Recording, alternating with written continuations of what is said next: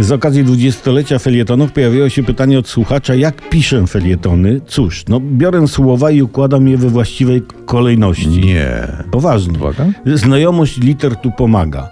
E, teraz troszkę o metodzie. Ponieważ wstaję o 5 rano, więc śpię dwa razy dziennie. Po dziennym spaniu wstaję, coś jem i około 18 otwieram dokument Worda.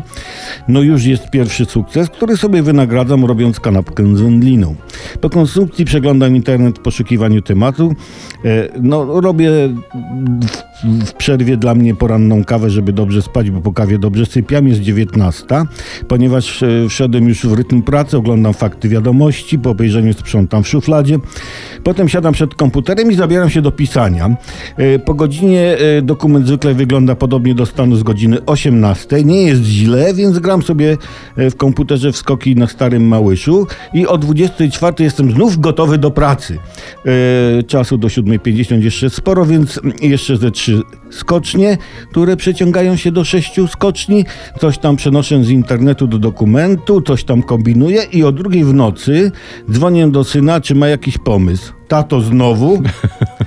No ale po godzinie wysyła mi gotowy tekst i wtedy w poczuciu dobrze wykonanej pracy kładę się spać, staję o piątej, jadę do radia i cykl zaczyna się od nowa.